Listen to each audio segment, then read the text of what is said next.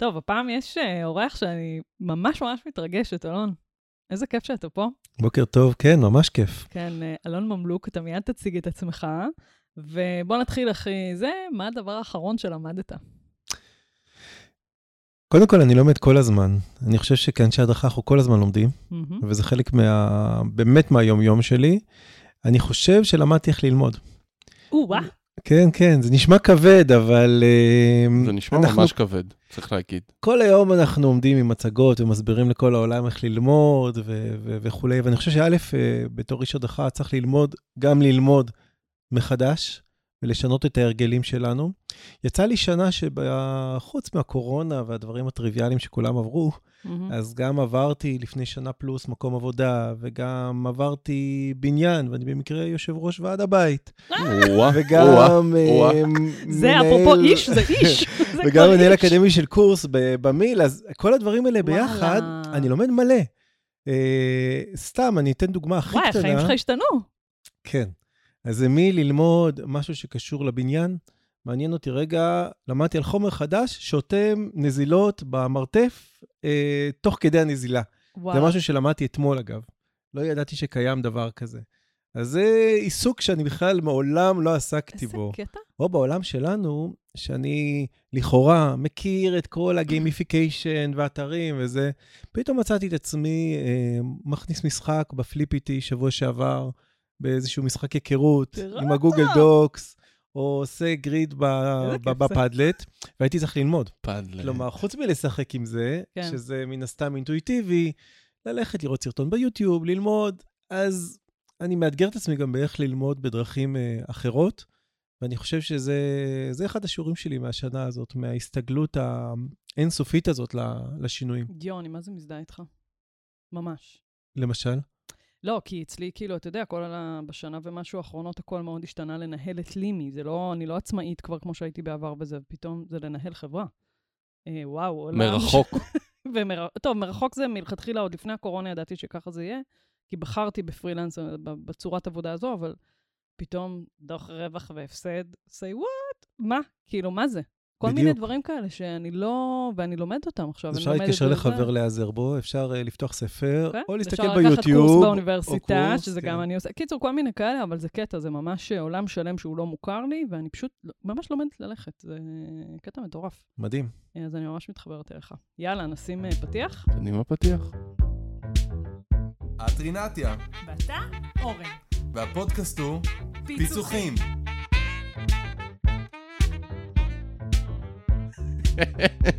טוב, וואו, אלון, אנחנו מכירים כבר המון המון שנים, ואני, אתה אחד המרצים, אם לא ה, שמאוד מאוד אני אוהבת להביא אותך אליי לקורסים. הראייה שלך, הניסיון שלך, הנועם שלך. אמ, אז אנחנו נעשה כזה תחנות בחייך, ואז בסוף גם נדבר על אה, לאן עולם הלמידה הולך, כי אני חושבת שהזווית המקצועית שלך היא קריטית אפילו, לאור כל הסיפור שאתם תתחילו לשמוע עכשיו. אז אה, מה התחנה הראשונה שלך בעולם המקצועי? מאיפה התחלת? אמ, האמת שתמיד הייתי על במות. אני מנגן חליל צעד, ואיכשהו הסיפור הזה של במה, ואני אפילו זוכר את עצמי מדריך, עוד שהייתי בחטיבה ובתיכון, לא משנה מה. זה היה הרצאה על מוזיקה שבניתי, שאגב, עד היום אני מרצה אותה, רק שכללתי אותה עם השנים. זה לא אותו גדול! דבר שהרציתי הרציתי בכיתה ט' או י', אבל תמיד אהבתי ללמוד ו- ו- ולדבר על זה. החוויה הכי חזקה שלי, אגב, מהדרכה בגיל מאוד מאוד צעיר, זה שלימדתי שיעורים פרטיים בכימיה. לא הייתי כזה תלמיד מדהים, אבל בכימיה הייתי מצוין. גם אמא שלי מורה לכימיה. ואני זוכר את התחושה של הסיפוק, כשליוויתי מישהו, אני לא זוכר אם הייתי בי"א או בי"ב, אבל הוא היה יותר צעיר, וראיתי אותו עובר את המבחן, זו הייתה תחושה מדהימה. גאוני. ועד היום, גם עם כל המורכבויות הארגוניות וארגונים כאלה או אחרים, אני יוצא מעיניים, נזכר למה אני בעולם הזה של הדרכה, זה הסיפוק הזה, שאתה רואה מישהו מצליח בזכות משהו שהעברת לו.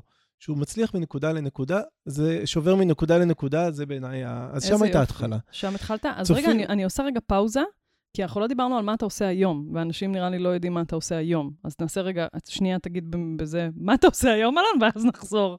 אז היום אני אה, מנהל הדרכה, הדרכת לקוחות והדרכת מכירות ב-Align Technology. Align Technology זאת חברה מאוד ידועה בארצות הברית ובכלל בעולם למיישרי שיניים שקופים, Invisalign, זה מותג, אה, מותג אה, חזק. הם לפני uh, כמעט עשר שנים קנו את ה iTero, ה iTero זו חברה ישראלית שייצרה סורק וואלה. לרפואת שיניים. הסורק הזה בעצם מאפשר לסרוק את הפה, ואתה רואה מדהים, כמו, כמו, ב, כמו ברנטגן. במקום ברנטגן, אז אתה רואה תמונה תלת מימד, live, צבעונית, אה, של מצב בתור אה, השיניים. צרכנית אה, ידועה של רופא שיניים, אני אגיד שזה משנה חיים, כי לפני זה זה היה לבוא ל-80 אלף פגישות בשביל שיתאימו לך איזה fucking שן, בול. ועכשיו זה פשוט, אה, אה, אה, אה, הוא עושה עם הסורק, בדקנו, הוא עושה עם סורק אחר, לא של החברה שלכם, בדקנו את זה אז בוואטסאפ, אבל זה פשוט משנה חיים, כי זה פשוט, השן מתלבשת, נגמר, אתה לא צריך לחזור עוד פעם, זה באמת טכנולוגיה משוגעת. אז יש כמה מתחרים, אבל ה iTero הוא באמת הכי טוב, אבל אה, זה משנה חיים. במקום לבוא לכל המדידות האלה כן, כן, וכולי, כן, כן. אתה יוצא מטיפול אחד כבר עם הכתר, או עם, הש... או, או עם שתלים, וכמובן, לא, לא מדבר על, ה... על האישור שיניים שעושים ל... מדהים. לחבר'ה צעירים. אז אתה מנהל הלמידה, מנהל את הדרכת הלקוחות ואת, ה... ואת, ה... ואת הדרכת המכירות. זה חלק מהשיווק, מהמם. שזה גם מאוד מעניין, ואולי שאני עוד מעט אספר קצת על מה שעשיתי.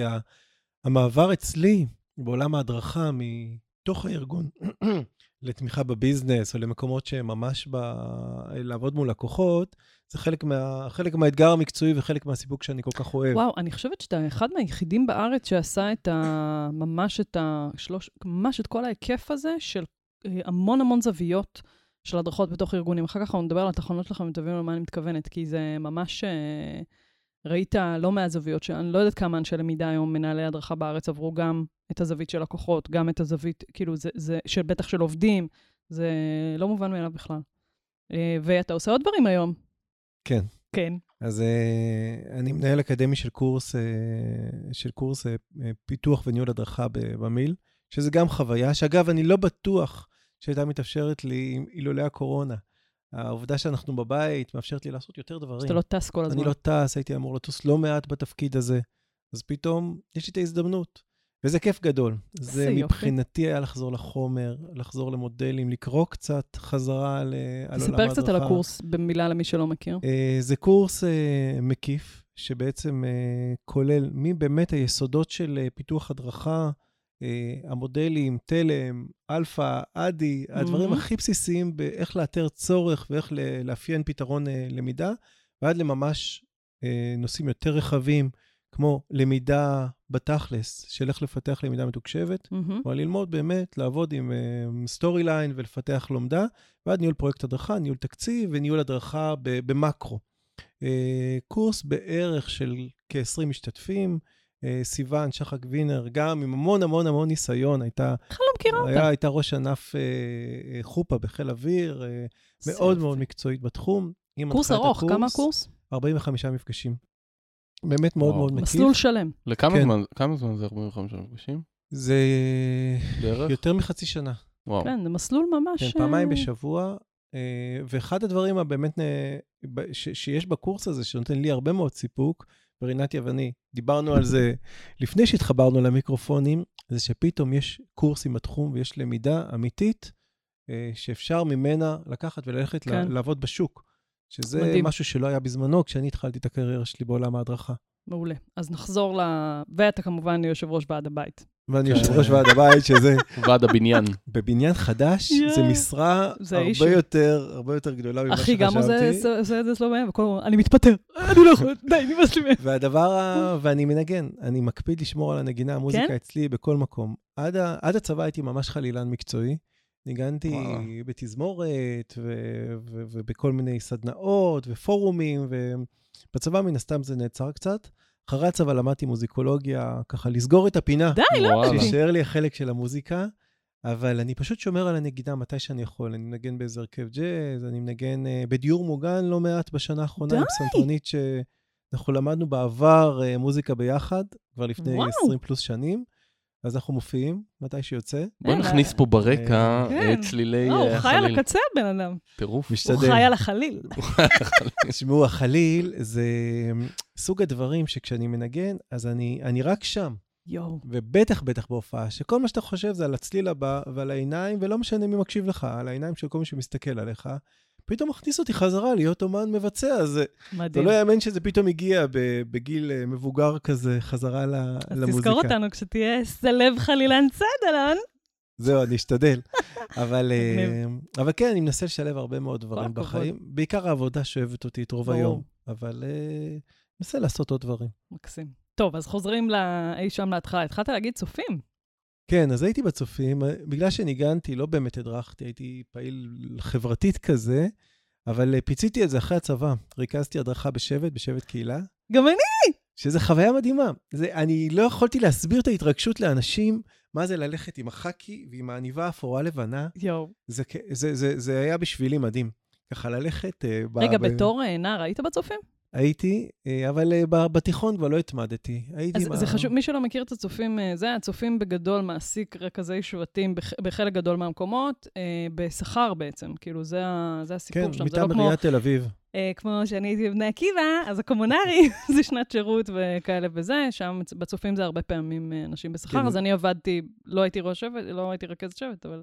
קיצור, לא, זה הייתי עולם רכז ומלואו הדרכה, הדבר לא הזה. רכז שבט. אה, זהו, גם אני הייתי רכזת זה הדרכה. בעצם... אה, ה- הקו של הרכז שבט. בדיוק, זה לנ- להדריך את השכב"ג, את השכבות הבוגרות, ולעזור להם עם הערכים וכולי. האמת שה... זה הארדקור הדרכה. ממש. אבל הבסיס הטוב שלי, בעיקר של הדרכה, זה היה בצבא. אה, הייתי קצין שלישות, מהמם, ואחרי זה יצאתי להדרכה, הדרכתי בבה"ד 11. אוקיי. אה, זה נקרא אז מד"ח, מדריך בקורס קצינים, כמה מחזורים, ואחרי זה הייתי סגן מפקד קורס. מה זה, גם אני הייתי מפקדת בקורס קצינים, מה קורה, אלון? מה עוד נגלה? יש פה הרבה הרבה הרבה אני הרבה רק צריכה משותף. להיות, אה, רק שאני אהיה יושבת ראש ועד בית. וזה היה ניסיון, אנחנו מדברים, דיברנו פה על הקורס במיל, אה, אז באמת הצבא היה המקור, נכון. ל... היה צפה, מפה, אה, כל מיני, עברו לתלם, סימולציות. מדהים. באמת, זה היה, רק בדיעבד אני מבין מה למדנו, מה למדנו שם. היו גם דברים שאני לא שלם איתם, כמו למשל שאם צוערים נרדמים, כן. באמצע שיעור אתה מוציא אותם לרוץ. כאילו, לא חשבנו לרגע שאולי הם עייפים, או, או שהתוכן שלהם נורא משעמם, בדיוק. או גדול. שאפשר למצוא דרכים אחרות להכניס. לדחוף להם את החומר. אחלה, אז אה, מתי, אוקיי, סיימת לעבוד בצופים, הלכת, למדת תואר? למדתי תואר ראשון ושני, למדתי מדעי המדינה, רציתי ללמוד משהו מה זה, פרקטי. גם אני, אימא לאלון. באמת? כן. הלכתי למדת ללמוד משהו, משהו פרקטי כמו לא מדעי עשית המדינה. תעודת הוראה? מדעי המדינה, קרמינולוגיה ותעודת הוראה. וואו. מה קשור כל ה... אני חשבתי שאני המורה לאזרחות לנוער בסיכון. אז זה סיפור- סיפור לפרק אחר. כן, כל אחד והפנטזיות שלו. כן, אני. למשל, חזרתי מדרום אמריקה אחרי הצבא, אמרתי, טוב, אני אלך להיות שגריר, משהו, Mm. ללמד מדעי המדינה. באמת הלכתי ללמוד משהו פרקטי, מדעי המדינה ומוזיקה. אה, אני חייב להגיד אבל, שחוץ מזה שמאוד נהניתי בלימודים, גם בתואר ראשון וגם בשני, עשיתי תואר שני במדעי המדינה, דווקא למדתי המון. החשיבה הביקורתית, הקריאת מאמרים, הדרך לשאול שאלות, עזר לי הרבה שנים אחר כך. איזה אה, יופי, איפה לא. חשבתי על זה. בשביל זה אני פה. תודה לך. מדהים. אוקיי, אז, ואז מה, איך התחלת את צעדיך בעולם ההדרכה אז בארגונים? עבדתי, עבדתי כמה שנים במשרד ראש הממשלה, מאותו, מאותו מקום כסטודנט ו- וכולי. מתישהו גם שם נמשכתי, קצת ניהלתי את הצוות, אה, ריכזתי את הצוות של הסטודנטים, התחלתי, הכשרתי קצת עובדים חדשים. אמרתי, אני כל כך אוהב את העולם הזה של משאבי אנוש, הייתי שליש בצבא, הדרכתי בקורס קצינים, אולי אני צריך לנסות. שלחתי הרבה מאוד קורות חיים בארט קופי, אז זה היה ארט קופי, במעטפות. רגע, ת, תן לנו טווח שנים, שנדע על מה אנחנו מדברים. 99 בערך, אה, לפני הספירה. כן, זה ממש מרגיש, אה, וואו. וזה נחת על שולחנם של כמה סמנכ"לי משאבי אנוש, קורות החיים שלי מצאו חן ביניהם, ועירית בן ארי מגילת, גילת. רשתות לוויין, רצתה צעיר נמרץ אה, לרכז את אה, מרכז, אה, מרכז הגיוס. החברה גדלה, זה היה להתעסק אה, דווקא אה, אז בפן התחלת מגיוס? התחלתי בגיוס, ב... מהכי בסיס, מיון קורות חיים ו- ו- וניהול האופרציה הזאת. אופרציה מאוד ידנית הייתה, של להקליד נתונים ו- ו- וכולי, היו כמה, כמה חצבת חבר'ה גם באבן, או שזה... זהו, בערך, בערך. וראיינתי כמה משרות, אה, ואז, אה, והאמת שהיה מדהים. אני זוכר שהייתה לי נקודה, וזה אגב, אם מסר ראשון שאפשר לקחת מהמם. מפה, מה, שחשוב לי להעביר במפגש, הייתה לי נקודה שנפל לי האסימון, אז היו אסימונים עדיין Mm. בטלפון, אבל נפלה ההכרה שאני בתחום ש, שמתאים לי. אמרתי, וואי, וואלה. פה, באזור הזה, בשכונה הזאת של משאבי אנוש, טוב לי. גם אם חלק משעמם, גם אם uh, פה ושם בסיפור של קורות חיים וגיוס לא, לא הכי מדהים, אמרתי, זה, זה, זה האזור שלי. איזה כיף מאוד שהגעת מאוד לתובנה. הזאת בגיל זה כזה, היה זה בגיל לא מובן מאליו. 27, אני ממש זוכר את הנקודה. אמרתי, פה אני רוצה להיות, ויכולתי לעצום את העיניים ולדמיין את המסלול קריירה שלי. בגדול, עובר שינוי מהדמיון של אז, אבל זה היה אני חושבת והדיוק הזה... שהגדרה שכונה היא מאוד מאוד טובה, כאילו להיות בסביבה שלי, שלא שכונה בקטע של שוק, כן. אלא בקטע של, וואלה, אני פה באזור שמתאים לי, וואו, מגניב. אז הדיוק הזה מאוד משמעותי, ו- ולא פעם יצא לי לייעץ ב- ב- לקריירה לאנשים, ועד היום אני, אני עושה את זה, ואני ממש מנסה להכריח אנשים לעצום את העיניים Hmm. ולנסות לדייק לעצמם את מה באמת המקום שהם רוצים להיות בו ולאן הם מכוונים. איזה קטע. וזה נותן לך איזשהו מצפן, שאני חייב להגיד, לאורך ה-20 ומשהו שנה מאז, כל מה שעברתי בדרך תמיד התיישב לי איתו, וזה מנקה הרבה רעשים. כי בסוף הקריירה העסקית היא לא פשוטה, והקריירה של אה, בן אדם מבוגר בשוק העבודה היא לא פשוטה. גם אין ו- עבודה מושלמת, אין דבר נכון. כזה, הציפייה שזה, בכל עבודה יהיה יותר כמו שפה אני ממיין קורות חיים, שם אני עושה את זה, תמיד יהיה את זה, תמיד, תמיד, תמיד. אבל אני חושבת שאתה מרגיש בשכונה שלך, כן. זה... והרגשתי אחר כך יותר בשכונה, אה, אחרי אסון התאומים, אז אה, באמת החברה הפסיקה לגייס, גם הצטמצמה בצורה משמעותית. וואלה. והיה שם את ארז אורלי, היום הוא סמנכ"ל אה, אה, סמנכ"ל ב- משאבי אנוש. בפניקס. הבת שלו, היא מנהלת היום בקהילת למידה ארגונית, באמת? כן. יא, אללה, איזה, כן. עולם, איזה עולם טל קטן. אורלי, חדשה. משפחה טובה. כן, כן. ארז אה, בא אז עם טל, המון. אה, המון המון ניסיון אה, ב- ב- בעולמות האלה של הדרכה ופיתוח ארגוני, והיועץ גם בצבא, ו- והוא ועירית כיוונו אותי לזה שעם הניסיון שלי בהדרכה, אין גיוס, אז בוא תתחיל להעביר סדנאות. ופשוט במשך אה, חצי שנה, שמונה חודשים, רצתי בארגון והעברתי סדנאות. רק היום אני על מה? יכול להגיד שהייתי כל כך צעיר בשביל לא להבין בכלל את, ה, את הסיכון שאני לוקח. אה, מגוון נושאים, חשיבה יצירתית, ניהול זמן, אה, ש, שחיקה, וואלה. אה, מוטיבציה לעובדים, שירות. ישבתי אגב עם חבר'ה מהצבא, ופה ושם יועצים, את הכל כתבתי. יש חומרים שעד היום, כמובן עם וריאציות, אני משתמש בהם. כי באמת אה, היה לי ממש. זמן אה, לשבת ולכתוב כמו שצריך, להעביר, זה היה סטאז' מדהים. וארז אה, פה ושם נכנס לתת משובים. איזה פה ושם קטע. יועץ כזה או אחר. זה ממש בנה אותי בעולם של הנחיה, של הדרכה, הנחיית קבוצות, כ- ב- ב- ממש מהפרקטיקה, בלי שום קורס חיצוני, חיצוני אחר. באתי עם בסיס טוב, מהצבא והמילואים, אבל... שאלה רגע פילוסופית. וואי, גם לי יש שאלה יאללה, פילוסופית. בבקשה, תתחיל. אתה, קדימה, נו. אתם חושבים שמי שעוסק בפיתוח הדרכה צריך אה, גם יואו, להנחות? זה מה שרציתי לשאול. היה לי על זה דיון השבוע, זה אני מעניין מיד, אותי. אני מיד אגיע לזה, זה חלק אוקיי. מה... אבל אני... זאת שאלה זאת מעולה. שאלת קדימה. זאת שאלה מעולה. אני אשמור את התשובה. יאללה, אני אשמור את. התשובה. קדימה. אבל אני, באותה הזדמנות באמת של, ה, של ההנחיה ושל ההדרכה, אני הרגשתי, אם אמרתי שהייתי בשכונה קודם, מהמם. הרגשתי שזה הדבר. וואלה. אתה כל בבניין. כך, כל כך נהניתי. הבנתם את אמ, ההקשר שעשיתי עם הבניין? אה, אני כבר איבדתי את זה עם. הבניין והבית. נהניתי מהכל, נהניתי מה, מההנחיה, נהניתי מההשפעה, נהניתי מהפידבקים. איזה יופי. באמת הרגשתי שזה זה. זה חוזר אגב לבמה. כי כן. כשאמרת, נגיד, על הקטע של החליל, ושאתה זה, אתה מרוכז בזה, אני נורא אוהבת ימי הדרכה. כי אה, אה, שום רעש, כאילו, עכשיו אני מדריכה, לא טלפון, לא זה, לא... אני בזה. וזה, יש בזה משהו תענוג, אז אני מאוד מאוד... אני הכי, הכי מתחבר לזה. אתה בזה, אתה מסתכל בעיניים של האנשים מולך. כן. גם היום, כשאני מעביר בזום דברים, אני מדלג ב... מהמם. בחלוניות, ובכל פעם מסתכל על אנשים לראות את התגובות שלהם. זה ממש, אתה, האיזון החוזר המיידי הזה הוא ממכר. כן, כן, כן, הוא אה, קריטי. מעבר באמת לסיפוק, כשאתה בא עם ידע ומשהו ש...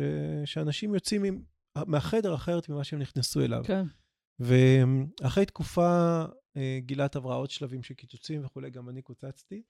אה, עבדתי תקופה זמנית, עוד בה- בהודעה המוקדמת, אה, באיזושהי חברת ייעוץ, קצת הנחיתי סדנאות, ומשם התחלתי לעבוד בלאומי קארד במקביל, ו- ושם עשיתי את המסלול הקלאסי בארגונים, כלומר, בהתחלה באמת העברתי קורסים, הכי, מהכי חומרים מקצועיים של אה, מערכות billing אה, ו- מהמם. ו-CRM, ועד, ועד סדנאות שירות. אה, הייתה אז מהפכת שירות בלאומי קארד, אז הנחיתי סדנאות ועשינו תוכנית של פיתוח מנהלים, שגם, היה לי תמיד מזל ללמוד מהמאסטרים. למדתי כיף. אז עם אה, לוטם ועם עופר לוי, עשו תוכנית by the book של מהמם. פיתוח מנהלים, מהנהלה בכירה ועד אה, אחרון ראשי הצוותים. וואו. ולהיות שותף לזה, וגם מתישהו לה- להוביל ולהנחות בעצמך חלק, זה היה שיעור טוב. מתיש, מתישהו קודמתי לנהל שם את תחום המדריכים. ו, ואני חייב להגיד שבאותה תקופה, וזה מענה לשאלה שלך, אה, עבדה איתי מישהי, עבדה איתי אפרת פרידמן, אה, שהיא מפתחת הדרכה בחסד, ואשת הדרכה בחסד, ומנהלת פרויקטים אה, בחסד. אחרי זה הצטלבנו בעוד צמתים, גם באמדוקס, אבל היא פשוט לא אהבה להעביר בכיתה... להדריך. כלום, כן. ממש. זה היה ממש חלוקה מאוד בולטת, שהיא מפתחת ואני מדריך. איזה קטע. ו... והיו עוד כמה כאלה שם, אני לא אזכיר את כל השמות. אבל אתה חושב שזה... זה, אני חוזרת כאילו לשאלה של אורן ושלי, זה תנאי לדעתך, או שזה משהו... איך אתה רואה את זה? זה לא תנאי, אה, בכלל לא, אגב, אבל מאוד מאוד מאוד חשוב שמי שמפתח את ההדרכה יהיה מחובר למה שקורה בכיתה. אז uh, אמרתי שאם uh, מפתח הדרכה לא מרגיש את הצרידות הזאת בגרון, שמי שמדריך, אז הוא לא יכול לפתח הדרכה. אני חושב שזה מוגזם, לא צריך להרגיש את הצרידות, אבל צריך לראות מה ריאלי, מה לא ריאלי. אתה מגיע, אתה צריך להרגיש את, ה, את הלומדים. עכשיו, אני חושב שכמה שאתה מרגיש את הלומדים, זה גם מחזק אותך להמשך. כי כשאתה מפתח היום למידה וירטואלית, שבהגדרה אתה לא רואה ולא שומע את הלומדים, אתה אפילו mm-hmm. מקבל פידבק על הלמידה שלהם. אי שם באיזושהי פינה הם לומדים משהו שאתה פיתחת, זה נותן לך אבל את ה sense.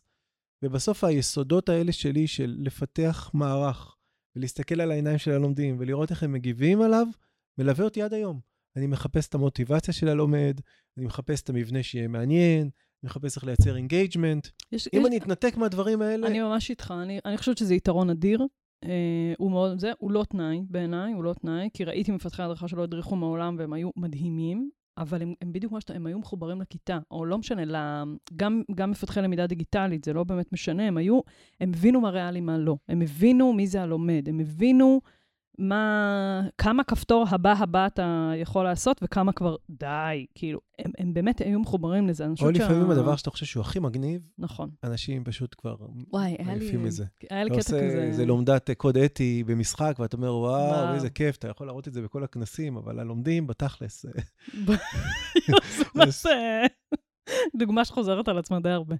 אחלה. אוקיי, אז היית בעצם מנהל צוות מדריכים, כמה מדריכים היו? אני כבר לא זוכר, לא קבוצה גדולה, קבוצה קטנה, זה היה, זה לא היה כמו הגדודים אחר כך של עולם, ה, עולם התקשורת, אבל אה, היו כמה. ממש גדודים. ו- ודי התעסקנו מקורסים מקצועיים ועד הנחיית, אה, ועד הנחיית מיומנות. אה, מתישהו שם קיבלתי הצעה לנהל את הפיתוח הדרכה במירס. וואלה. הבנתי שעולם התקשורת זה הדבר הבא. איזה שנה זה, מירס? 2005. לפני הספירה. זה היה בדיוק בשנים לפני שהם, זה היה בשנים שהם זכו במכרז צה"ל, לספק אה, מכשירים. אה, שזה גם היה חוויה, לרוץ ברחבי הבסיסים אה, בארץ, ולראות איך מדריכים את המירסים. לחשוב שהיה צריך להדריך טלפון. כן, איזה קטע, תכלס. זה נראה לי הזוי. זה כפתור ה-PPT. היה לנו כמה חוויות של ה-VIP של הצבא. אלופים, רמטכ"ל, וזה צריך היה הדרכה אישית. אז לא לרמטכ"ל עצמו, נגיד זה היה לעוזרת האישית שלו, אבל פה ושם איזה אלוף או שניים. להיכנס פתאום ללשכות האלה, זה היה, היה חוויה. אבל אחרי שנתיים במירס... רגע, אה, אז במירס ניהלת את פיתוח ההדרכה?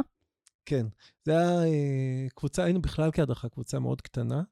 אה, עשינו, האמת שבאמת במירס הייתה החברה הקטנה ביותר מבין חברות התקשורת אז, אבל הייתה אווירה מאוד מיוחדת. זה היה ארגון עם DNA מאוד, מאוד מיוחד, גם קצת גרילה.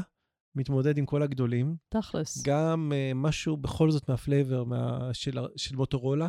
זה התחיל כחטיבה במוטורולה והפך להיות ארגון עצמאי. Uh, וגם ההדרכה הייתה מוקמת במיצוב uh, משמעותי. איזה יופי. מנהלת הדרכה הייתה זה אורה, אורה גלבוע, והיא גם, אגב, הגיעה מחיל האוויר בעברה הרחוק. ו... וכן, היינו קבוצה לא גדולה גם בהדרכה, אבל... סיירת כזאת. כן, אבל היה מאוד מאוד כיף ומאוד מיוחד לעבוד, ב, לעבוד בחברה כזאת. אחרי שנתיים במירס, אה, וזה אולי כן מספר משהו על הקריירה שלי, קיבלתי הצעה מפרטנר. אה, ו, ואז עברתי לפרטנר, אורלי ניהלה, אורלי קרדוש את האגף, ואני הגעתי, החלפתי את ניסו, את אה, מחלקת פיתוח הדרכה, שזה היה להגיע למקום, וואו, כאילו גם האגף הדרכה, עוד בימים של אריק וניסו. אנחנו הגענו אז בערך כאילו, אתה הגעת לאורנג' באיזה שנה? 2008? 2007. 2007, אז אני התחלתי כן. לעבוד אז בפלאפון ב-2006. זה היה העידן פריחה של החברות סלולר, כן. ממש, הם כאילו... שלושת האגפים היו uh, פלאפון, פארטנר וסלקום, ו... ובאמת הבנתי שזה להגיע למקום אחר, עם מוטת שליטה אחרת, השפעה אחרת, התמזל מזלי גם לפרויקטים מדהימים, זה היה אה, אה, החלפת מערכת CRM, זה היה כניסה לעולם ה-ISP, לעולם האינטרנט שפרטנר נכנסה. זה היה באמת... תשמע, אה, היום בדיעבד שאני מסתכלת, אז זה, זה, זה מעניין לחשוב מי היום כאלה, אבל שלושת חברות הסלולר המאוד מאוד גדולות, גם פלאפון, סלקום, זה, הוציאו, הוציאו מהם גם אנשי הדרכה שעד היום הם כאילו, וואו. אה, זה, זה באמת, אה, היינו, אה, תשמע, בפלאפון, כשאני נכנסתי לעבוד, שנה אחרי שהייתי בפלאפון, אני זוכרת שהיה לנו כנס אגף, היינו 80 איש באגף הדרכה. גם, גם בפרטנר. וגם. בסלקום היה אולי קצת מספר. פחות, אבל תקשיב, זה, זה כמויות אה, בסלקום היה אותו אדירות. מספר, פשוט המדריכים נדמה לי היו בשטח. כן, המדריכים המון, המון המון המון מדריכים, וזה באמת כמויות אדירות. וזה באמת תלוי גם בכמות העובדים שיש וכמות התחלופה שלהם, בגלל זה צריך גם, נכון, אני צריך מאמין. המון המון קורסים וכאלה. אני אגיד לך, אבל לא סתם הם היו מפוארות, כי אני חושבת שעשו head hunting אה, מאוד טוב לחברות האלה, והביאו אנשי הדרכה. הבינו שחייבים אה, להשקיע שהם בזה. שועלים, במיוחד הבכירים יותר. זאת אומרת, אני אז הייתי בכובע של מפתחת הדרכה וראש תחום פיתוח הדרכה, אבל תשמע, אני מסתכלת על הראש אגף שלי, על אורלי קאדו, על כל מיני כאלה, ניסו עד... חבר'ה שהם בדיוק במעבר הזה מהעולם של הצה"ל והתפיסות המאוד בדיוק. חזקות של עולם ההדרכה והלמידה, כבר לעולם העסקי. ו... זה בדיוק מה שרציתי להגיד, שפיתחו הכשרה, השקענו המון, עוד לפניי השקיעו המון, בהכשרה של אה, אנשי פיתוח הדרכה ומדריכים. מהמם. היה לך קורס פיתוח הדרכה פנימי, היה קורס מדריכים פנימי, היה קורס חונכים פנימי, כלומר, הרבה מאוד דברים שהם יסודות מאוד מאוד חזקים, ש, שהשפיעו על הרמה. אריק אמר, עוד uh, לפני שהגעתי, שזה היה מגרש משחקים מהמם. בשבילו, וזה באמת היה מגרש משחקים. יכולת לעשות, uh, לעשות הרבה מאוד. והזכרתי קודם את הנקודה שבה אתה מרגיש ש, שמתאים לך העיסוק מבחינת הקריירה, אתה חייב גם לקבל לפעמים החלטות שהן לא פופולריות ולא נעימות.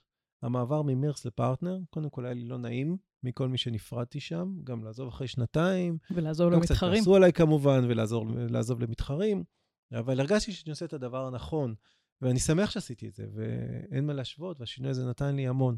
אבל um, בסוף, לנהל קריירה זה, זה לעבוד בזה, וזה לקבל לפעמים החלטות לא פופולריות ולא נעימות. אני חושבת שזה זווית שעדיין, לצערי, לא מספיק, אין לנו עדיין מספיק אה, אנשים עם ותק כמו שלך אה, בתחום הזה, שבאמת יכולים להסתכל על למידה והדרכה כבאמת ניהול קריירה. וזה מדהים, הדברים שאתה אומר, כי אה, כאילו, אם אני, אם אני עכשיו פונה לחבר'ה הצעירים, שלום לכם, מעבר לגלי האתר, יש פה, יש פה באמת החלטה, החלטה שאני צריך לקבל, לא מעט כשאני מדברת עם אנשי למידה והדרכה שמתייעצים איתי וכל מיני כאלה, כאילו, בוא שנייה תחשוב מה התפקיד הבא ייתן לך גם להמשך. כאילו, יש נקודה שבה נורא נורא חשוב לרוץ בין הכיתות. כאילו, לך, תלמד את הזה, תפתח עכשיו מיליון לומדות, ת, ת, תעשה את הזה. עכשיו, בתפקיד הבא תעבור לפה. ת... באמת לנהל את הקריירה, אה, זה אחלה הדגשים. נראה לי ש... כן. אני, אני אגיד עוד משפט אחד. ההבנה שלי אה, לייצר השפעה, הבנתי שבכיתה, עם כל הסיפוק הרב שזה נותן לי, אני מייצר השפעה מוגבלת.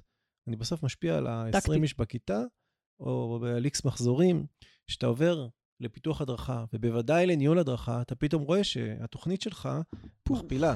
כלומר, היא עוברת על אה, פני רבים, ואתה מתעסק ביותר, בהדרכה והטמעה לטווח ארוך.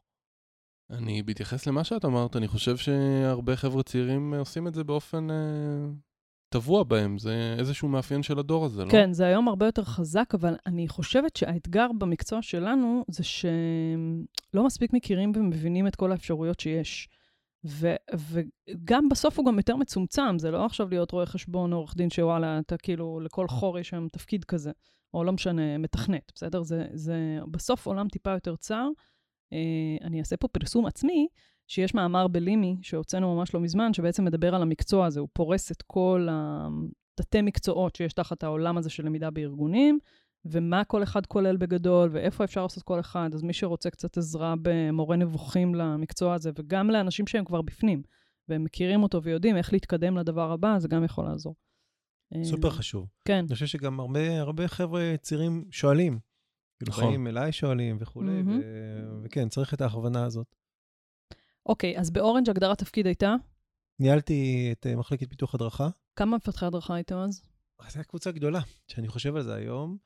אה, לא מדבר על פרויקט ספציפי, נגיד, שהיה, כמו הטמעת CRM, שפתאום גדלנו וואו. בעוד איזה 20 איש על הדרך אה, לטובת הפרויקט, אבל אה, אם אני לא טועה, זה היה כ-14-15 מפתחי הדרכה. אה, עם צוותים, אה, עם חלוקה לצוותים. זה. המון, לא? זה המון. זה ב- המון. ש- ביחס אז לחברות הסלולר זה לא המון, אנחנו היינו בצוות, אה, זה 20, וואו. אבל אה, כולל מנחים, כולל מנחים, מנחים היו בצוות שלנו, אבל אה, באופן כללי, היום זה נחשב המון, בטח. מספרים דומים, השווינו את עצמנו כל הזמן לפלאפון, אה, כן, והיה לנו הרבה שיחות. משותפות. נכון.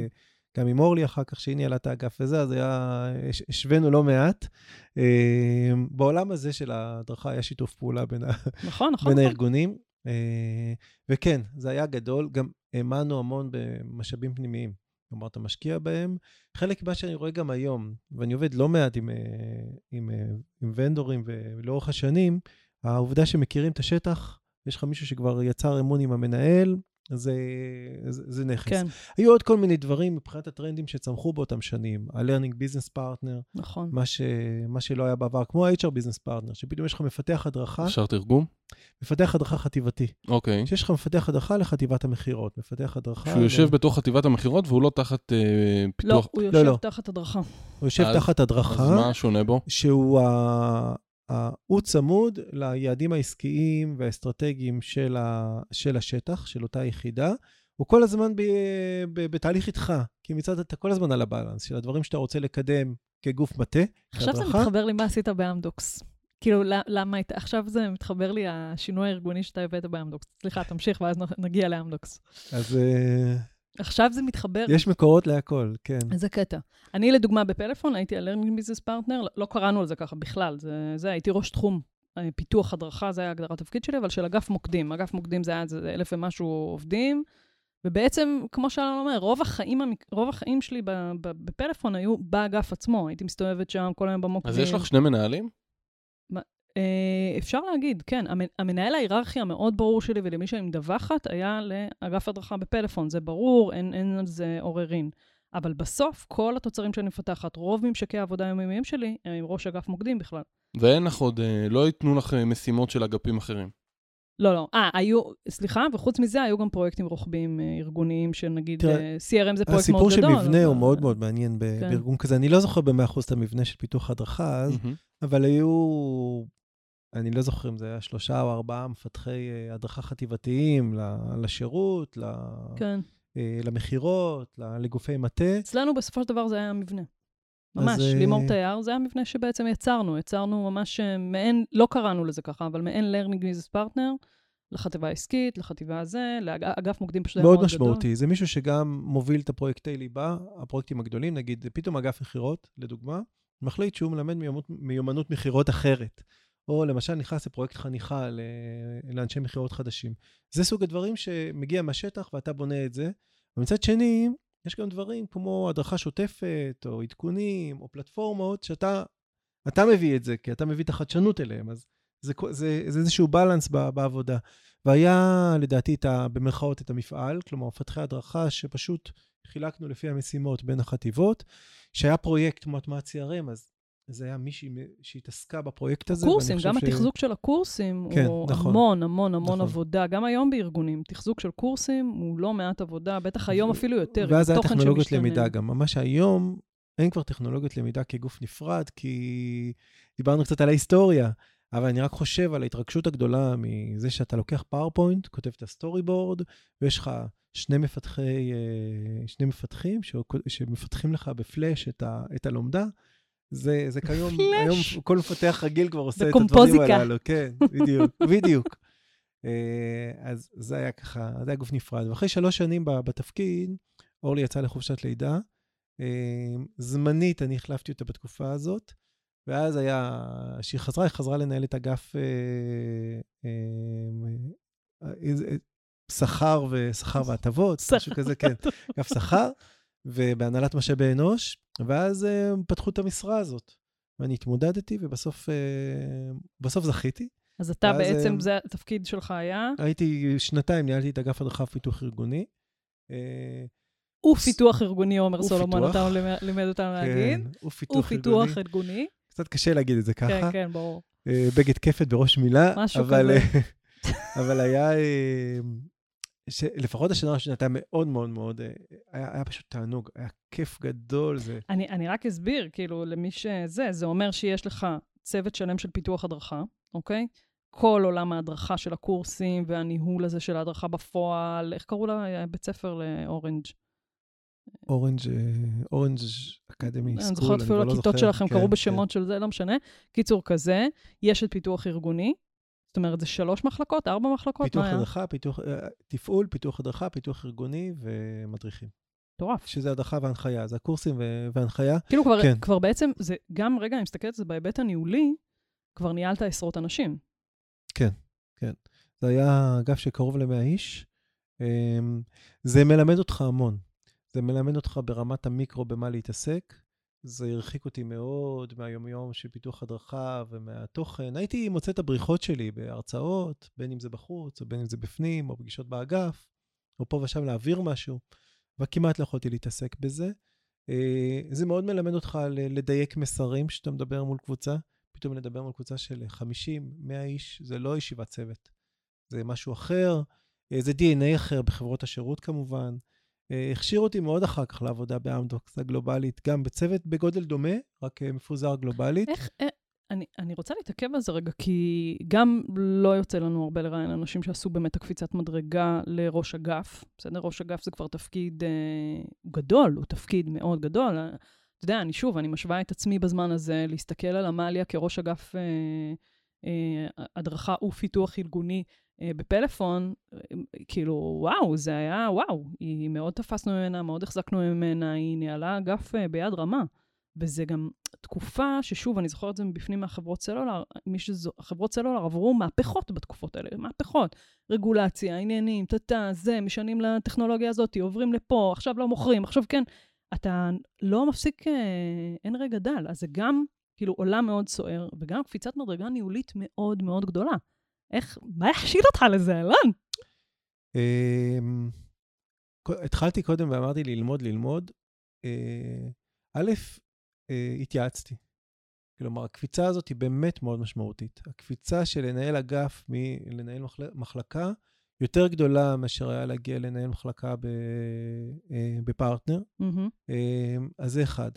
ואני חושב שבאמת אה, למדתי, א', בקטע של לעבוד עם צוות מנהלים שמדווח אליך, מנהלי מחלקות, לבחור את ההתערבויות שלך, איפה אתה משפיע על אחרון העובדים באגף, אה, וזה זה, זה נכון, זה וזה זה, גם זה להוביל מסע. כבר, אה, זה לא רק בפן הניהולי, זה גם באמת כבר באזורים האסטרטגיים של מה תפיסת הלמידה של אורנג' לצורך העניין. נכון, וזה היה, כן, אבל שם הרגשתי מאוד בשל, ושם זה, דווקא אם אני לוקח שיעור חשוב משם, מהמם.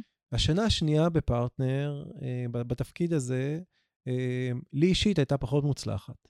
זאת הייתה שנה, באמת, אנחנו ראינו את ההתרסקות של חברות הסלולר, אנחנו עברנו אז, זה כבר, אני, אני כבר לא יכול להגיד את רמת הציניות שעברנו מכמות המנהלים הבכירים שעזבו. כן. ו... אני לא זוכר אם זה היה שלושה מנכ"לים שהתחלפו, זה באמת עבר זמן מאז ועברו התרחשויות. ואתה זז ככה, הספינה זזה ימינה ושמאלה, ו... אבל יש הרבה חברות גם שחוות את זה היום, ממש ברגעים אלה, מנהלי הדרכה שחיים בחברות כאלה, ואתה יודע, גם מדברים איתי, אנחנו בלא מעט קיצוצים, אנחנו לא ב...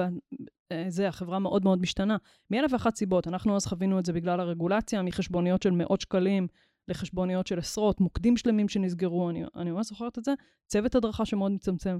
זה, זה, גם היום חווים את זה, אז זה היה... שיעור חשוב שלי מאז הוא... אני לא אגיד שהייתי טיפונת פריבילגי ב- ברצונות שלי, מהמם. שנורא רציתי לש- להמשיך לשמור על האי הנחמד שהיה לי, אה, ולהמשיך לעשות הדרכה בדרכים שעשינו, ו...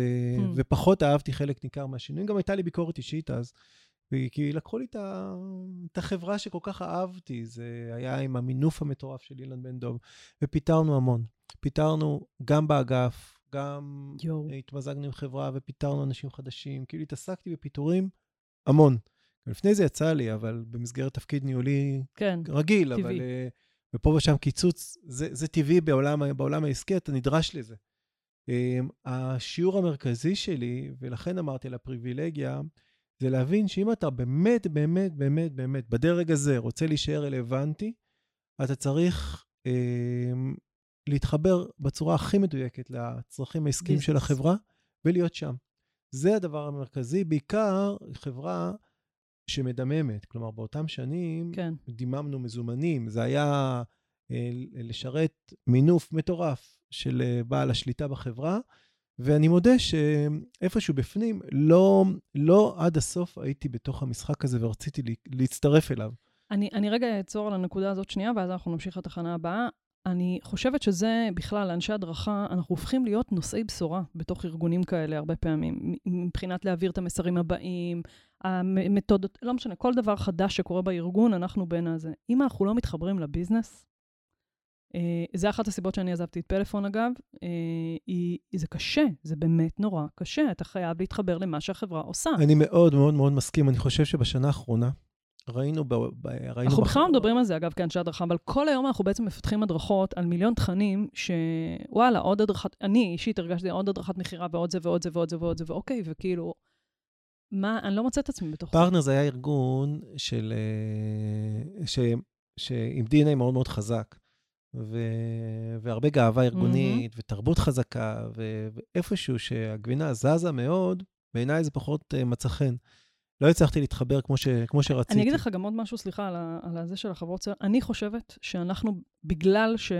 זה לא ביקורת אישית חלילה אליך, זה בכלל לכל מי שהיה אז בחברות הסלולר, וגם היום, אני לוקחת את זה כמסר, תסתכלו על זה שנייה היום. אנחנו לא יכולים, אנחנו כאנשי הדרכה, מאוד קשה לנו להסתכל, כמו שאמרת, הארדקור על הביזנס. ואז, בוא, עשינו קורסים של שלושה שבועות לנציגים. איזה חברה זה מתאים לשלושה שבועות לנציגים? זה, מי, מי, מי מעלה את זה על הדעת הרי? בתכלס היינו צריכים לתפוס את עצמנו ולהגיד, הלו, הלו, הלו, יש פה...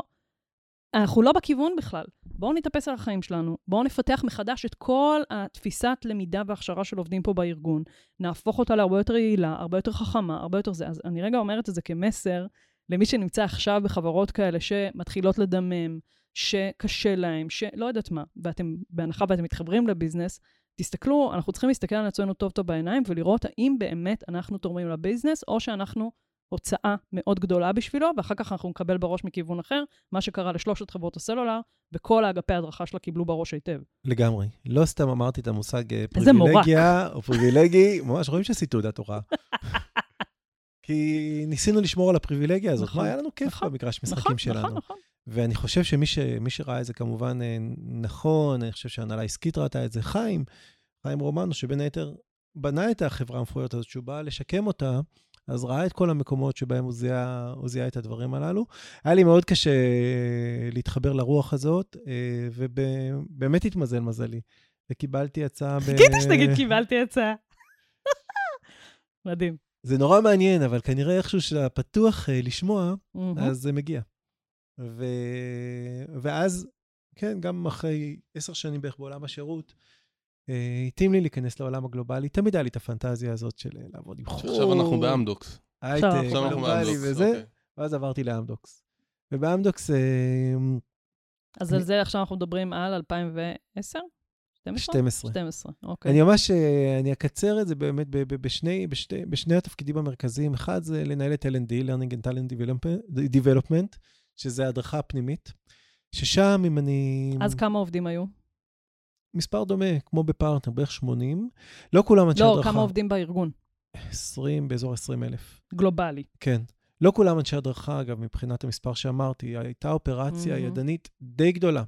אה, של תאומים, של... אה, טיסות. של טיסות, של, אה, של הרבה מאוד דברים. אז uh, הקור, נגיד, מחלקת פיתוח הדרכה, נעמי בנתה, נעמי מלכה, שהיום היא מנהלת, uh, מנהלת L&D, בנתה שם באמת פיתוח הדרכה מפואר, אה, זה היה באזור המספרים של 10, 15 מפתחים, בגדול. כן, של יחי ההבדל, אז היינו חברות סלולר כן, של 5,000, 6,000, כן. ועכשיו אנחנו מדברים על 20,000 אבל אם אני מסתכל על, שיעור ראשון היה גלובליות, שבאמת ללמוד ולהתאים למידה למקומות שונים בעולם, בשפות אחרות, בתרבויות שונות, בגילאים שונים. אה, בארץ מגיעים אליך לאמדוקס בוגרי טכניון, בוגרי אוניברסיטה, אה, כאלה לפעמים אחרי תפקיד אחד בשוק העסקי. בהודו מגיעים אליך צעירים בני 18, ישר מהאוניברסיטה, 20, ישר מהאוניברסיטה, ממש ילדים, כאלה שלא יודעים מה זה בכלל חברה. Mm-hmm. אז, אז אתה צריך להתאים, נתתי פה את שני הקצוות, להתאים את הלמידה לכאלה. הדבר השני שהוא מאוד משמעותי ב, ב, ב, בלמידה שלי ב, בתקופה הזאת, הייתה באמת החיבור של ההדרכה אה, למקום האישי של העובד. בהייטק שהיה מאוד משמעותי לנסות לשמור על הטאלנטים, התמזל מזלי והיה פרויקט מאוד גדול של שינוי התפקידים בארגון ולתת איזשהו ערך מוסף של למידה והתפתחות. אז חיבור להתפתחות האישית והמקצועית של העובד, זה ממש הפך להיות התמה.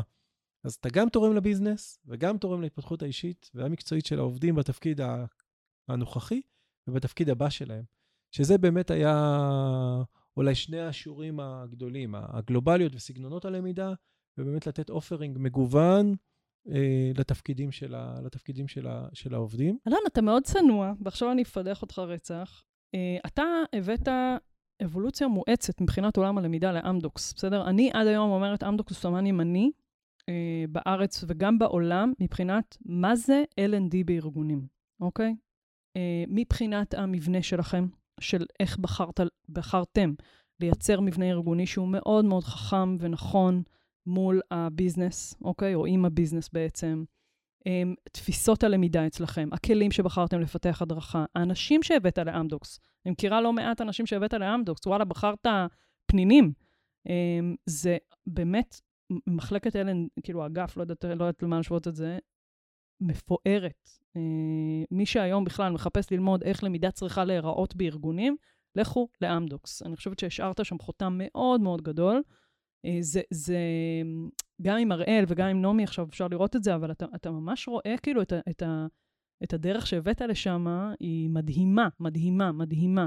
learning business partner מאוד מובהק לכל ארגון, אל תבכה, אלון. מובהק לכל ארגון. um, תפיסות מאוד מאוד מסודרות. אני רואה גם אנשים מאמדוקס, גם אתה כשבאת לדבר את השפה, וגם החבר'ה שלך שבאו מדי פעם אליי לקורסים, או כל מיני כאלה, או שאני נפגשת איתם, יש שפה מאוד אחידה שבה כולם מדברים. הביזנס הוא מאוד מאוד ברור מה אני לטובת ה...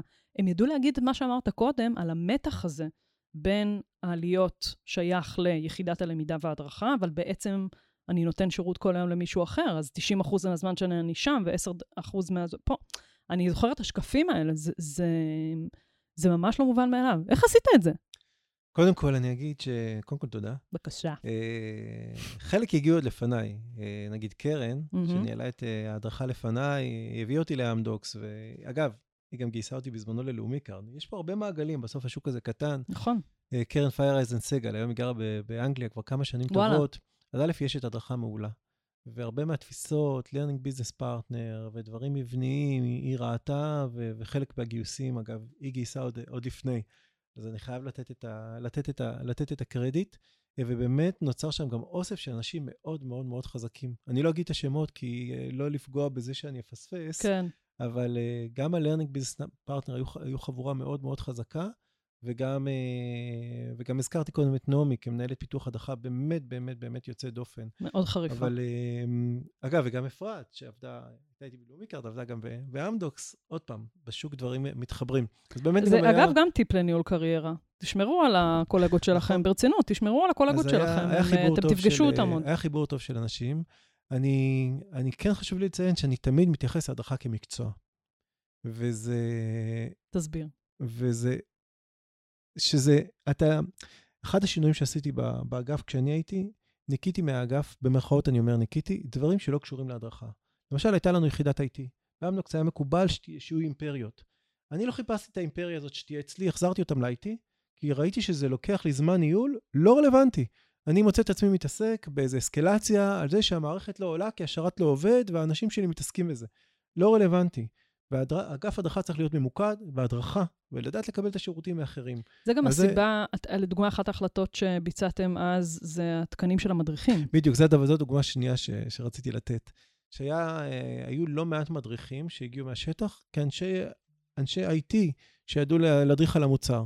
ואני הבנתי שהמדריכים שמסתובבים בעולם וטסים למקומות שונים, נותנים ערך מאוד מאוד נקודתי.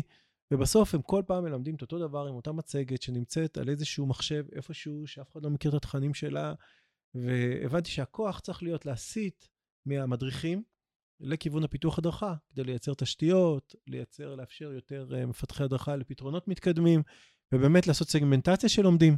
זה סוג הדברים שלא נעשו קודם. אתה לא צריך להפציץ לומד נכון. כל הזמן בכל החומר. אתה אומר, הוא לומד עשר שנים, הוא צריך את הדלתא על המוצר החדש, לדוגמה. אז זה היה שינוי נוסף שנעשה. וכשאני מדבר על הדרכה כמקצוע, לזה בדיוק התכוונתי. שאתה לא מעביר פרזנטציה על הדרך עם כל הניסיון הטוב והרצון הטוב, ואתה לא מתעסק בדברים שלא קשורים, אתה מפתח הדרכה במתודה מוגדרת, עם תוכניות ברורות, יש טמפלטים, יש cadence קבוע, יש מהלך עניינים קבוע, איך אתה מאתר צרכים, איך אתה בונה תוכניות, זאת הכוונה. והשקענו לא מעט גם בהכשרה של האנשים האלה. ואני חושב שזה, אגב, כן, איזשהו חוט שני שמוביל אותי בתפקידים אה, שהייתי בפרטנר, הבנתי שאנחנו צריכים להכשיר את המפתחי הדרכה. לא היה לי את המשאבים לבד. אני זוכר שלקחתי vendor, שכמה כאלה ש... שממש תפרנו קורס, והיה קורס פיתוח הדרכה לאנשים האלה. מעבר לזה שזה נותן לי סיפוק שאני מלמד אנשים את המקצוע, אני מקבל אנשים מקצועיים אה, בקצה. אני חושבת שעוד הבדל מאוד גדול, וזה לצערי, אני אומרת, באמת לצערי, ואני מתנצלת אם אני חלילה פוגעת בזה, אני לא חושבת שאנחנו חושבים מספיק אסטרטגית. גם מנהלי למידה בכירים בתפקידים כאלה לא מסתכלים אסטרטגית. לא, לא כי הם לא... זה, אני חושבת שזה משהו שגם צריך טיפה ללמוד אותו. ואתה אומר, אוקיי, הדרכה זה מקצוע, אני יודע במה אני רוצה להתמקד. אז עשיתי חישוב מסלול, ואת זה אני מזיז. עשיתי זה, אנחנו שמים יותר משאבים על זה. זה משהו שלפעמים לנו כאנשי למידה והדרכה מאוד מאוד קשה להסתכל אסטרטגית בחיבור לביזנס שדיברנו עליו קודם. ואני, אני, כאילו, אני, קל לי להגיד זה כי אני מתפרנסת מזה היום, כאילו, וואלה, אין לכם אסטרטגיה, בואו אליי, חמודים. אבל בגדול, זה נורא נורא קשה לנו, זה נורא קשה להסתכל אסטרטגית, לקבל החלטות כאלה גדולות. מצד שני, צריך להשתחרר מהפחד הזה, צריך להבין את הצורך של לראות אסטרטגיה ולהתחבר לביזנס, כי זה מה שיוצר יחידות הדרכה שהן באמת יוצרות אימפקט מאוד מאוד גדול בארגונים. הם סמן ימני בארץ ובעולם. החבר'ה שלך עד היום מרצים בכנסים וזה, ולא סתם, אתה מדבר על אה, להיפרד זה ולייצר תשתיות של אה, פיתוח הדרכה, יש ארגונים שעדיין לא חושבים על הדבר הזה בכלל. לא, לא כי זה, כי הם, כי הם לא מספיק מבינים את המקצוע, הם לא מספיק מכירים אותו, הם אף פעם אולי אפילו לא למדו אותו. אז uh, מדהים. כמה זמן הייתם באמדוקס? שש שנים. Uh, התפקיד אחרי זה, ניהלתי את ההדרכת, את ההדרכת לקוחות. Uh, הייתה VP uh, בארצות הברית, ישראלית. זה קטע, אני הופתעתי מהמהלך הזה שלך. כן, אני חושב שגם אני קצת. זה מאוד פיתה אותי והדליק אותי, הקטע למה? של לעבוד מול לקוחות. תמיד כשאתה בעולם ההדרכה, בטח כשאתה ב-HR, אתה מרגיש שאתה תומך בביזנס, כל הזמן אתה צריך להצדיק את הקיום שלך. נכון. למרות שאני אומר פה, לכל אנשי הדרכה, ממש, התפקיד הוא כל כך משמעותי והוא כל כך תורם לביזנס, צריך לבוא ולהיות זקופים בעבודה שלנו. אבל uh, עדיין, פתאום התחושה, פנה אליי אחד ממנהלי החטיבות, uh, החזקים באמדוקס, והוא רצה להפוך את ה-customer training לסרוויס מוכר. כלומר, לא רק חלק ממה שנותנים ללקוח כבסיס, אלא שגם נעשה אפסל. וזה מאוד קסם. אה, זה היה, האמת שזו הייתה חוויה נהדרת. באמת? בעיקר, בעיקר השנה השנייה. השנה הראשונה, אני חייב להגיד, עברה עליי, וגם על... אה, איזו הזדמנות להזכיר את מוטי, אה, שהוא מקווה... גם, אנחנו מראיינים אותו גם. אז, אז תגידו לו שהזכרתי אותו, אבל הלילות שבילינו ביחד, והכתפיים הרחבות של מוטי בפרויקטים האלה, זה היה, זה היה נכס גדול, כי באמת, היינו בסחרור, בחברה שלא נותנת לך משאבים ספייר בפרויקטים. אתה חייב שכל אחד מהעובדים שלך יהיה על פרויקט, mm-hmm. ופרויקטים נסגרים מהיום למחר, ובלחץ, ומצאנו את עצמנו באמת וואו. מפרפרים על משאבים, קצת כמו ניהול משמרת כזה. בשנה השנייה דברים יותר התייצבו, פתאום פתרונות יפים שנתנו התחילו לעבוד, כי הרעיון היה להגיע end user, כלומר ממש לחזור לימים שלנו בפרטנר, כי אמדוקס עוסקת בחברות טלקו, בחברות mm-hmm. תקשורת, ולתת להם לא רק את החבילה הבסיסית לאנשי התהליכים ולאנשי ה-IT, אלא גם ממש לפתח להם חומר ל-end users. וזה היה סיפוק, אה, בדיעבד זה היה סיפוק אדיר. בשני, ב, ב, בשני היבטים. א', למדתי את, הש, את ה, איך לומדים במקומות אחרים, לא כמו בתפקיד הראשון, אלא ממש את, ה, את הצעירים. הרי מי מגיע להיות נציג וואו. שירות? חבר'ה בני 20 באוסטרליה, או בצ'ילה, או, ב, או באנגליה, ואתה לומד כמה אתה צריך להתאים אליהם. למדתי את המשמעות של לוקליזציה. נורא קל להיות כשאתה קורפורט באמדוקס, להכתיב לכל הארגון איך לומדים. כשאתה עובד עם לקוחות, אתה לא מכתיב. אתה קולט את האימג'ים uh... שלהם, את הניואנסים של השפה, אתה בא עם וואו. השפה, סתם אנגלית אמריקאית, אתה חוטף על זה באוסטרליה או באנגליה כמובן, כי אתה צריך את השפה שתהיה להם. אתה לא יכול עם הספרדית של אה, ספרד לדבר במקסיקו. Mm-hmm. זה ניואנסים קטנים וקלים יחסית. כמובן שיש עוד הרבה תרבותי. דברים תרבותיים. אז זה היה שיעור מרתק. טוב, אפשר לדבר גם בלי... למה להפריד הדרכת לקוחות מהדרכת עובדים? נכון, בדיוק. אני אגב, אני, אני חושב ש... אני מבין את זה, כי רצו לתת attention נפרד לעובדים, כי תמיד הביזנס שואב אותך. זה אגב, כל, כל כמעט חברה גדולה שיש לה לקוחות סתם, קח תעשייה אווירית, אה, לא משנה, בסדר, הדרכות של פרויקטים, האם הן צריכות לשבת אה, יחד עם הדרכות עובדים? האם זה נכון? כי בתכלס, המשאבים הם אותם משאבים. כאילו, פה יש מפתחי הדרכה ופה יש מפתחי הדרכה. ארגונית, יש... אה, ארגונית זה. מבחינת חיסכון במשאבים, מבחינת יכולת אה, פיתוח, בעיניי הם צריכים לשבת ביחד, חד משמעית.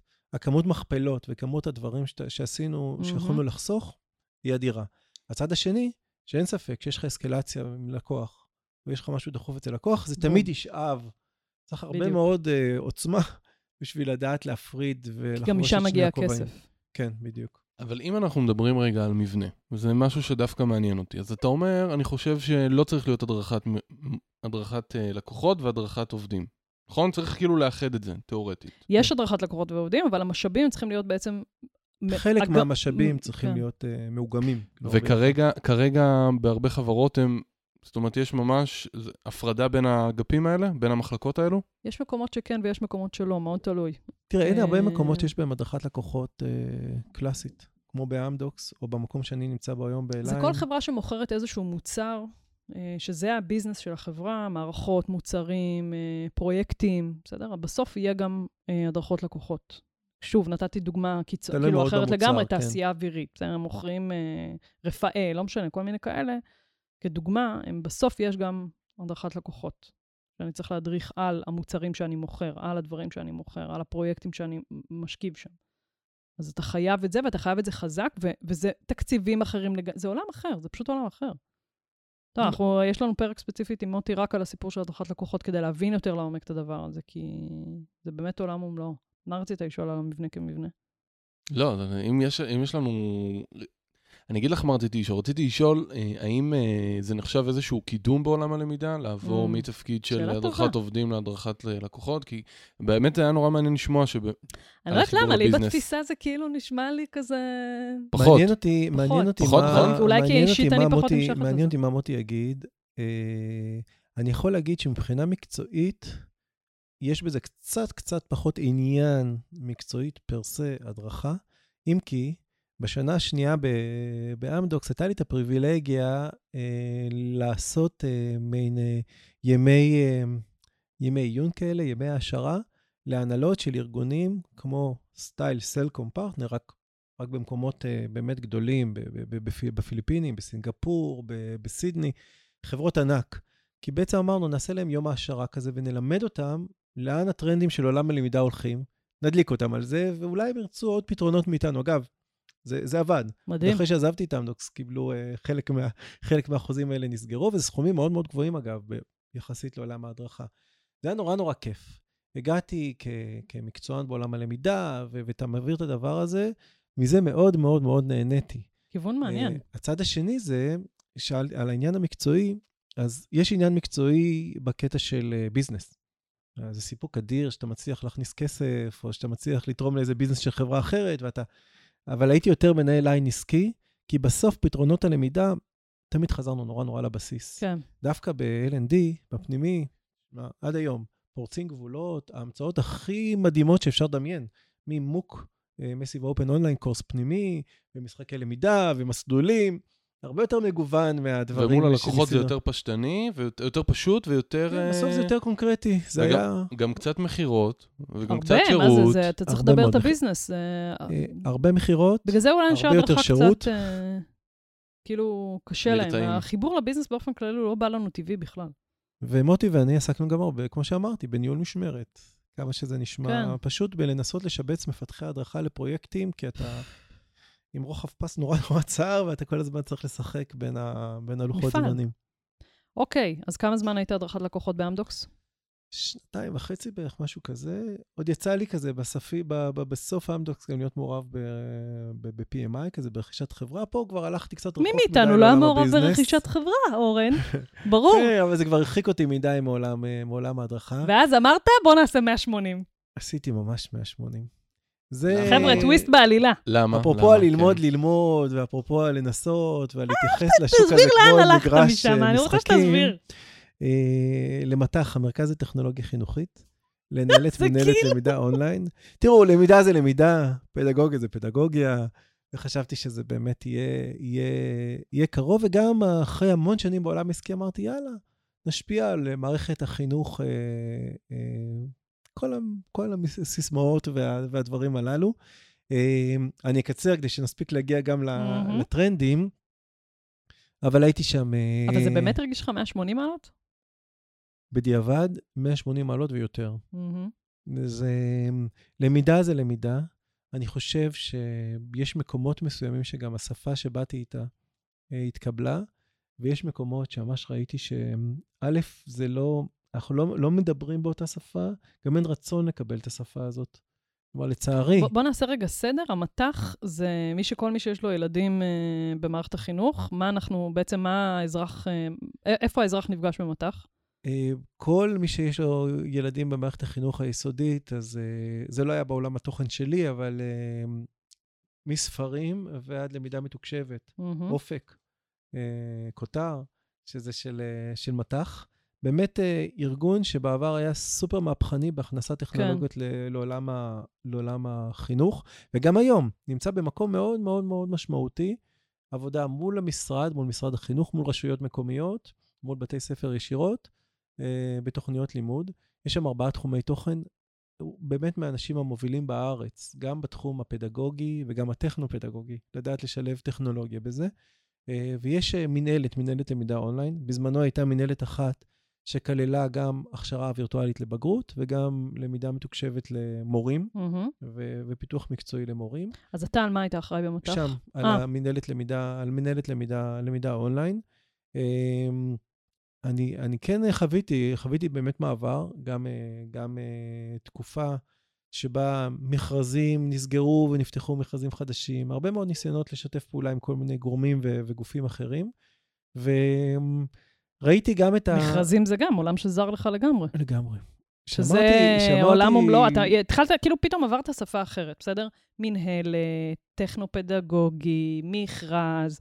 זו שפה שאנחנו בעולם הארגוני, אה, זה, לא משתמשים בה בכלל. לגמרי. וגם המגזר הציבורי כן, המגזר העסקי בכלל לא. וגם באמת, אה, אמרתי לרינתיה קודם, שאני זוכר את עצמי יושב, כותב על הלוח כמה בולטים, וזה המודל הבא שלנו להדרכה. זה לא עובר, כאילו בעולם הפדגוגי זה, יש עומק, חלק מהעומק הוא מובן וטבעי, באמת שמתוך האחריות הזאת של הכשרה של, צ- של, של תלמידים, של, של מהמם. הדור הבא, אז uh, באמת מחקרים ומאמרים, ו- וכל דבר צריך להיות מאוד מאוד מאוד מעוגן. זה לפעמים איפשהו קצת עוצר את הקצב, ואת אותה ריצה שאנחנו רגילים בלתת פתרונות מהירים ב- כן. אה, בעולם, ה- בעולם העסקי, ו, אה, וגם עם מערכת, שאני לא אגזים ואומר שבשנה האחרונה ראינו את ה... כשאני ראיתי איך משרד החינוך נפגש עם הקורונה, וראיתי את הבלבול, כן. וראיתי את חוסר היכולת למנף את זה עד היום, עד היום. כאילו, הבן שלי היום היה בלחץ מזה שהוא הלך לאיזה מבחן במתמטיקה, ואני שאלתי את עצמי, אם זה באמת הדבר החשוב בימים אלו. Hmm. אה, ו, ו, ועד היום, אני, אני, התחושת תסכול מלראות כמה המערכת הזאת, איפה שהיא נמצאת, זה משהו ש, שליווה אותי אה, כל התקופה הזו. כן, זה קשוח מאוד. אני בכלל גאה בך שהלכת, זה לא, זה לא מובן מאליו בכלל. לא, לא, לא בטוחה שלי, לדוגמה, היה את האומץ לעשות את זה. אה, היה לי את האומץ, אני לא בטוח שמיציתי את ההזדמנות עד הסוף. וואו. אולי ויתרתי מוקדם מדי, אה, מתוך החוסר הנאה מהמם. ממה, ממה, ממה שעשיתי. ראיתי הרבה מאוד איים מדהימים של חדשנות כן. בבתי הספר, במטח. במטח עצמו, בארגון, ואנשים מדהימים, באמת אנשים ב... ב... באיכויות ש... שלא רואים בכל מקום. אה, ב-DNA שלי, יכול להיות שזה היה לי מוקדם מדי, כן. וגם אה, כשפנו יכול להיות שזה גם עניין, אגב, של מעבר. כאילו, באמת לעבור מהארדקור ביזנס לכזה עולם, צריך נחיתה קצת יותר רכה, נראה לי. יכול להיות, בהחלט. בהחלט יכול להיות, ו... אבל אני לא מצטער, אני חושב שהתנסות היא התנסות, כן. ואמרתי בהתחלה שאני מתייחס לשוק הזה כמקום אחד גדול, אולי אפילו קצת מהמם. מגרש משחקים, שאפשר להתנסות ולנסות, ולמדתי הרבה מאוד. עדיין אני שומר על קשר, אה, למשל, בשני ארגונים, שאני מלווה אחד שמתעסק בהכשרה ללימודי ליבה לחרדים. אה, ומשהו אחר שמתעסק גם כן בלמידה, אה, בלמידה לאוכלוסיות משנה, לאוכלוסיות של, אה, אה, של ילדים, אה, לאוכלוסיות מסוימות, ו, וזה פתח, ב, פתח צוהר לעולם. אחר, ו, ואיפשהו נמצא לי בארגז כלים ומשרת אותי וישרת אותי גם בהמשך. וגם באמת ראיתי המון חדשנות, המון חברות educational technology, והמון דברים וואו, יפים זה שקורים. שוק מטורף. נכון. אז זה דברים שעוזרים לי גם בעולם, ה- בעולם העסקי. וכשפנו אליי, מאליין הדליק אותי מיד. כלומר, האמת שלא מיד, עוד חשבתי למצות את אה, העבודה במט"ח, במערכת החינוך, ולחשוב עוד וזה, אבל אז רגע, זה היה לפני שנה וחצי? כן, איפשהו בקיץ אה, לפני שנה וחצי, אה, זה התחיל כזה, איזה שיח בנצ'מרק כזה, מהמם. ה-customer training, בנו שם מחדש את פונקציית ה-customer training, ולראות איך זה, איך זה, איך זה עובד, ולשמוע מניסיון של אמדוקס ו- וכולי, עם הדיסקליימר שזה לא אמדוקס, ארגון הרבה כן. יותר קטן, אבל... מה זה הרבה יותר קטן? כמה עובדים? ליין הגדולה היא 17,000 עובדים. הייטרו, חברה ישראלית ש- שנרכשה היא חברה אה, כבר היום, אה, 1,700 עובדים, 500 בערך בארץ, מהמם. היתר נמצאים ב- בחו"ל, וחלק מהדבר שנוצר זה באמת לבנות corporate חזק, שהבסיס שלו פה, כל הפונקציות די גויסו בשנים האחרונות, בשנתיים וואו. האחרונות, אופרציה, marketing, איזה אה, גדילה HR מטורפת. גדל, כן, ממש, ממש. זה, זה תהליכים של מיסוד של ארגון שרץ מאוד מהר, מתקדם מאוד מאוד מהר, ועשו גם בדרך להקים אה, תשתיות. וזה הדליק אותי. איזה יופי. הדליק אותי, אמרתי, עשיתי הרבה, כל הזמן אמרו לי, זה לא דומה לשום דבר שאתה מכיר, וזה באמת לא דומה.